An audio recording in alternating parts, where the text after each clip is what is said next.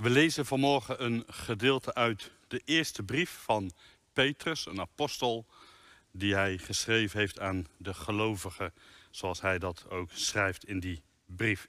We lezen uit dat eerste hoofdstuk, de eerste verse. Daar, daar luisteren we naar het woord van God als volgt, horen wij dat, van Petrus, apostel van Jezus Christus, aan de uitverkorenen die als vreemdelingen verspreid in Pontus, Galatië, Cappadocië, Azië en Bithynië verblijven. Door God de Vader voorbestemd om geheiligd door de Heilige Geest gehoorzaam te zijn aan Jezus Christus en met zijn bloed besprenkeld te worden. Genade zij u en vrede in overvloed.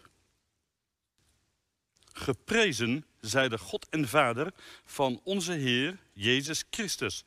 In zijn grote barmhartigheid heeft Hij ons opnieuw geboren doen worden door de opstanding van Jezus Christus uit de dood, waardoor wij leven in hoop.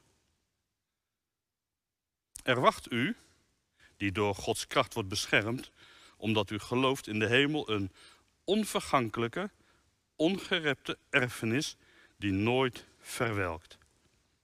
U ziet de redding tegemoet, die aan het einde van de tijd zeker geopenbaard zal worden.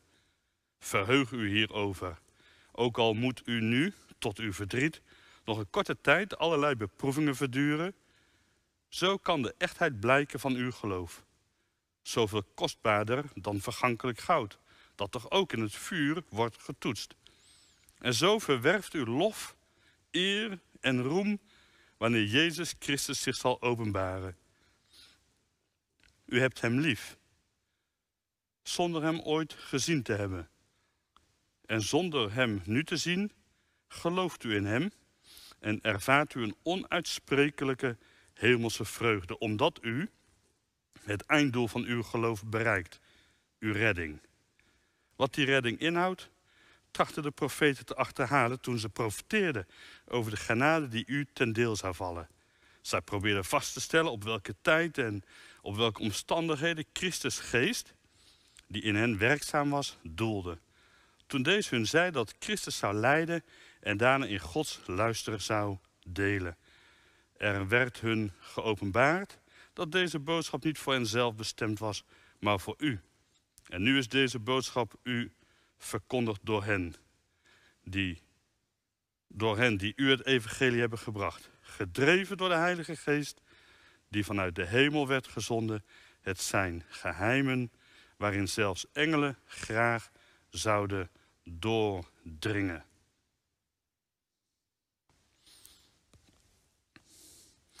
Gemeente van Christus.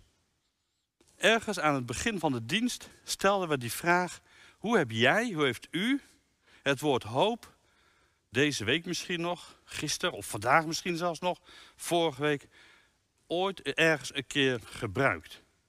Nou, misschien heb je elkaar even aangekeken op de bank en je zei tegen elkaar van, nou, ik zei het volgens mij gisteren nog. En de een zei, uh, ik hoop op een goed bericht. Ik hoop dat als straks. En een ander zei, nou ik zat pas van de week zat ik de krant te lezen. Toen dacht ik van, ik hoop dat het met Janssen beter gaat als met AstraZeneca. Ik hoop dat het, nou ja. En weer iemand anders, misschien een van de jongeren of ook een van de ouderen zou het net zo goed kunnen zijn. Die keek van de week voetbal en die dacht, nou ik hoop dat als straks Ajax uitgaat, ik hoop dat ze het dan beter doen dan nu. Dat is ze deze week deden. Want, want nu zouden ze zomaar uitgeschakeld kunnen worden. Ik hoop dat. Nou, wat valt je op als je het daarover hebt? Het woordje hoop. Wat, wat, wat, wat, wat merk je daaraan? Wat zegt dat? Wat is dat voor een woord eigenlijk? Hoe wij dat gebruiken?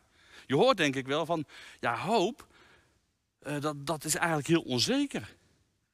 Het kan vriezen, het kan dooien. Het kan wat worden. Ja, het kan. Ik hoop dat het wat wordt. Maar ja, voor hetzelfde geld. Dus hoop, zoals wij dat gebruiken, dan is hoop een soort ander woord voor zou kunnen, zou fijn zijn. Uh, er is een kans van wel, kans van niet, een soort kansberekening. Het is onzeker. En er is nog iets wat je opvalt. We zeggen nu. Ik hoop dat. En dat gaat over straks. Dus eigenlijk, wat ik nu zeg, nu hoop ik. Maar eigenlijk sta ik nog met lege handen. Ja, straks, wie weet, straks. Misschien straks zou kunnen. Nou, we lazen een stukje uit de brief van Petrus.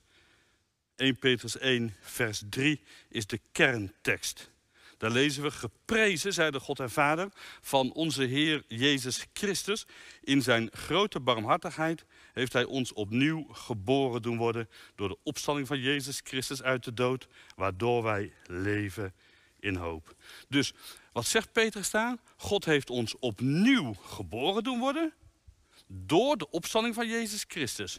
Dus doordat Jezus is opgestaan, daardoor zijn wij opnieuw geboren. En daardoor leven wij in hoop.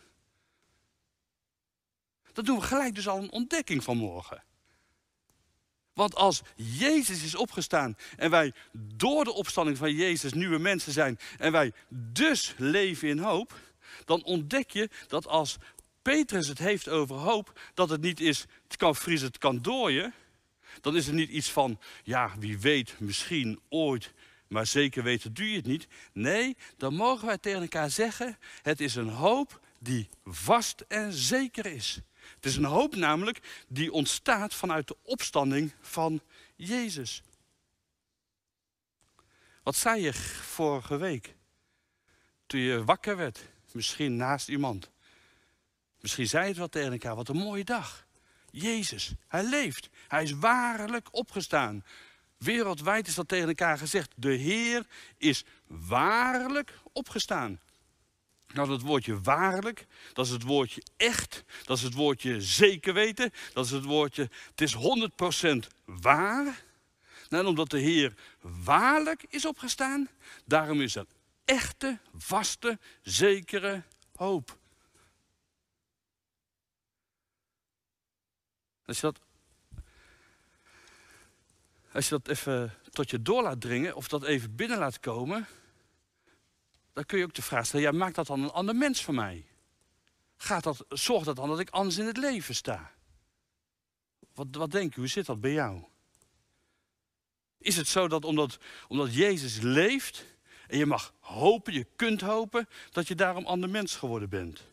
Misschien herken je wel van ja, inderdaad, niet altijd, het lukt me niet altijd, maar ergens zit er een soort van rust, kalmte, hoop, vastheid. Ik heb iets waar ik aan vast kan houden. Ik raak niet zo snel van de leg. Jezus leeft. Dus hopen we. En als je dan Petrus goed leest, dan kom je erachter van, ja, die hoop dat gaat niet alleen over straks. Ja, tuurlijk, we hopen, en dat gaat ook over straks, maar die hoop gaat ook over nu. En dat kom je op het spoor als je een andere Bijbelvertaling erbij haalt, de Nadense Bijbelvertaling. En daar staat namelijk, God de Vader heeft ons opnieuw geboren laten worden tot levende hoop.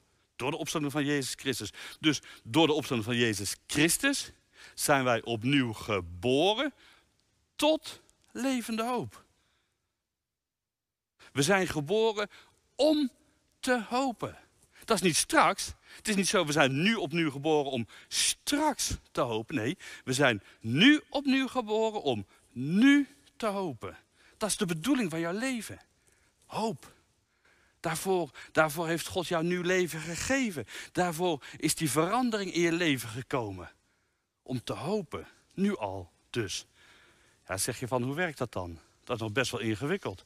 Want ik leef om te hopen. Het doel van mijn leven is hoop. Hoe, hoe, werkt dat?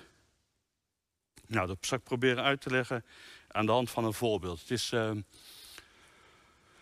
week of twee, drie geleden dat ik een nieuwe telefoon kocht, een Samsung. En uh, als je zo'n telefoon koopt, dan krijg je gelijk een app. En dat is een app, dat heeft, daar wordt je gevraagd van doe met ons mee, Global goals. Dus je krijgt niet alleen een telefoon waarmee je kan bellen. Nee, er zit een heel verhaal aan vast. Als je zo'n telefoon hebt, dan vragen ze van doe mee, uh, schakel die app in, uh, onderteken en doe mee met alle doelen die wij wereldwijd gesteld hebben. En dat is bijvoorbeeld armoede beëindigen, hongerigen voeden, betere gezondheidszorg. Dus met dat je een telefoon koopt, Dat kan een verbetering zijn van je leven, hoeft niet per se. Maar met dat je dat doet, dan zegt Samsung eigenlijk van... ja, maar wij hebben een heel verhaal en wij nodigen jou uit. Kom, doe mee, word onderdeel van dit verhaal. Doe mee. Nou, veel meer dan dat gebeurt er als je opnieuw geboren wordt. Als je gaat geloven in Jezus, als je zeker weet van ja, maar Hij is mijn Jezus. Dan, dan, dan ontvang je tegelijk de uitnodiging, doe mee. Want God schrijft een verhaal. God schrijft geschiedenis. God schrijft heilsgeschiedenis. Een verhaal van verlossing en bevrijding. Een verhaal van sterven en opstaan. Een verhaal van het koninkrijk van God. Wat steeds verder doorbreekt. Er is een verhaal. En met dat je opnieuw geboren wordt, mag je meedoen. Sterker nog, het is niet zo alleen dat je mee mag doen. Nee, God schrijft jou als het ware in dat verhaal in. In dat verhaal van hoop. In het verhaal van Jezus die gekomen is onderweg naar een nieuwe toekomst. In een hoopvol verhaal. En als God jou daarin schrijft, dan wordt het verhaal iets van jezelf.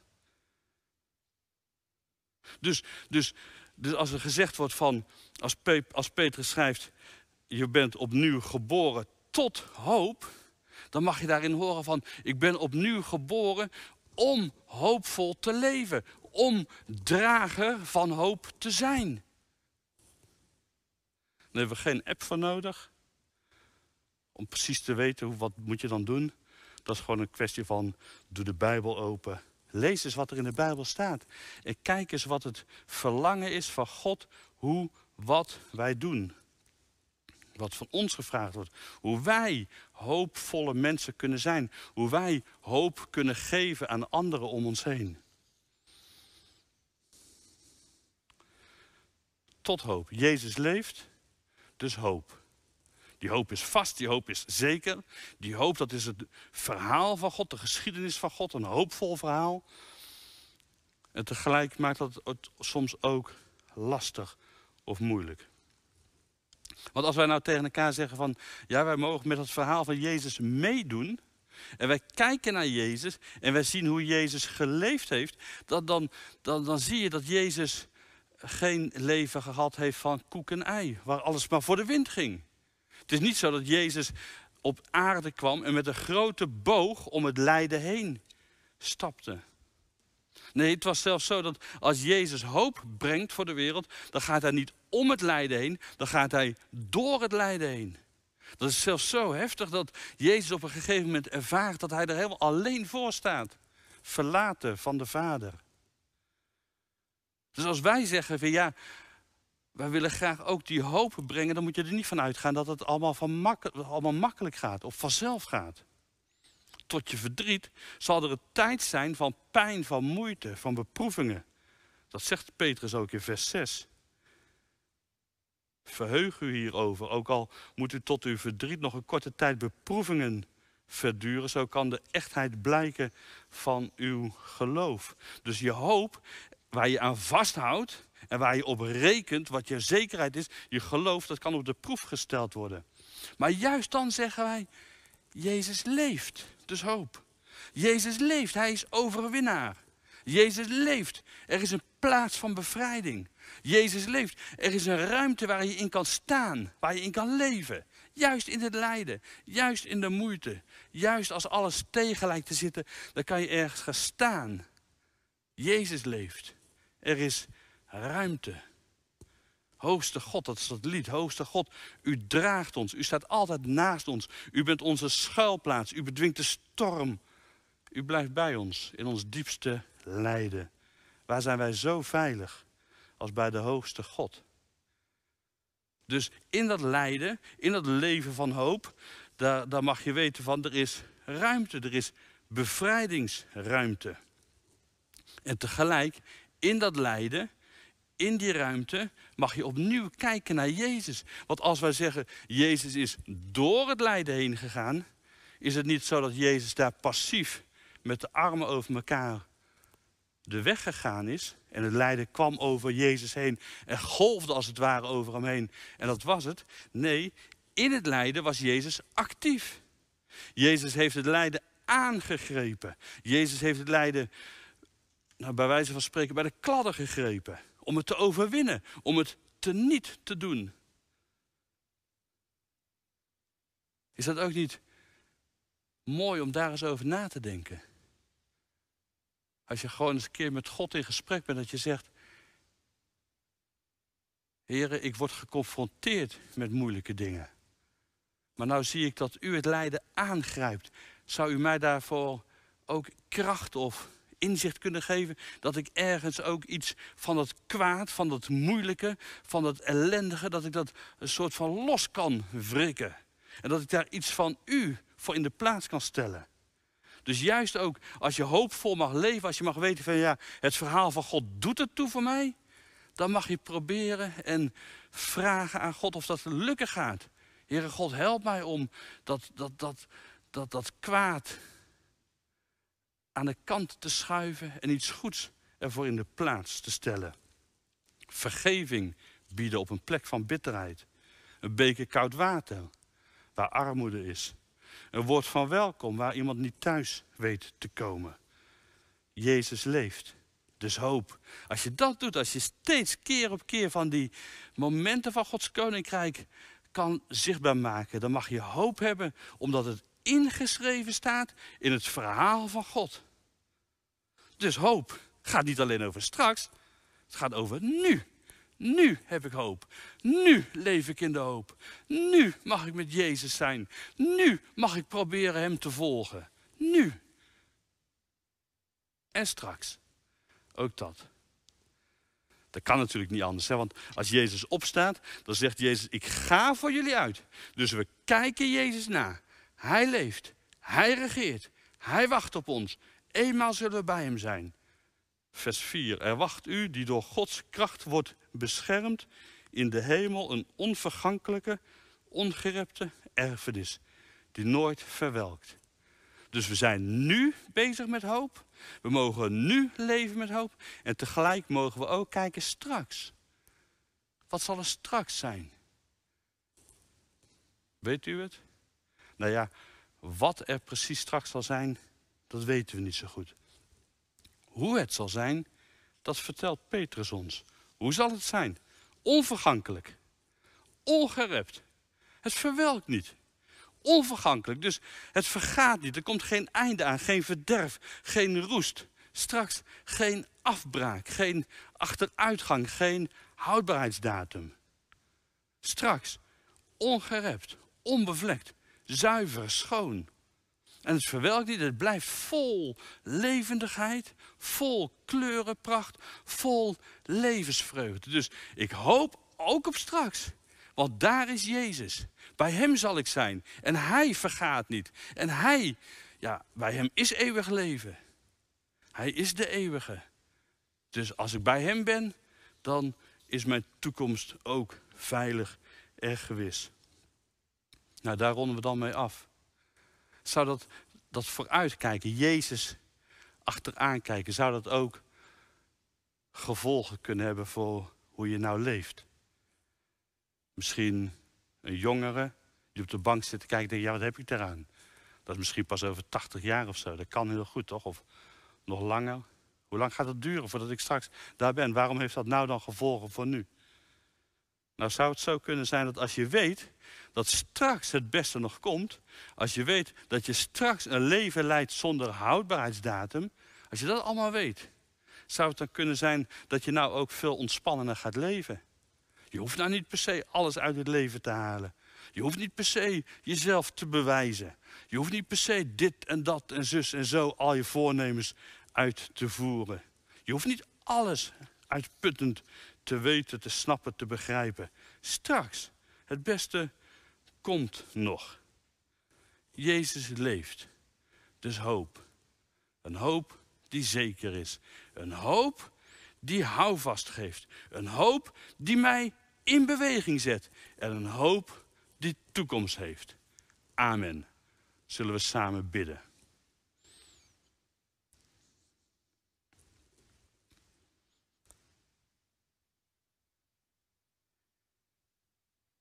Heer in de hemel, zo bent u. U geeft ons alles wat we nodig hebben. u geeft ons hoop. Aan het begin van de dienst zei de ouderling dat. We leven in onzekere tijden. En dat is ook zo. En toch als wij weten dat u boven alles uitgaat en staat, dat u hoop biedt, dat u de geschiedenis vast in handen heeft, heren, dan hoeven we niet onzeker te zijn. Ook al is er veel onzeker, mogen we onze zekerheid, ons fundament vinden bij u. Dank daarvoor. Heer, en zoals het gaat, als wij de Bijbel lezen of als we een preek beluisteren, dan denken we wel eens van, dat is mooi gezegd. Maar in de praktijk is het nog niet zo makkelijk. En daarom vragen wij u, geef ons nu, over vijf minuten, vanmiddag, vanavond, morgen, ja, geef ons alle dagen van ons leven de Heilige Geest, zodat wij met open ogen gericht op u zullen leven, zullen zien wat hoop geeft. Zodat wij met open handen, ontvangend van u, zullen leven. Zodat wij mogen weten, Heere God, u geeft vandaag, u geeft morgen, u geeft al die momenten waarin er iets kan zijn dat ik uw hoop zichtbaar maak. Heere, geef diep in ons hart die verbondenheid aan u, Jezus. Dat bidden wij u, tot eer van uw grote naam. Amen.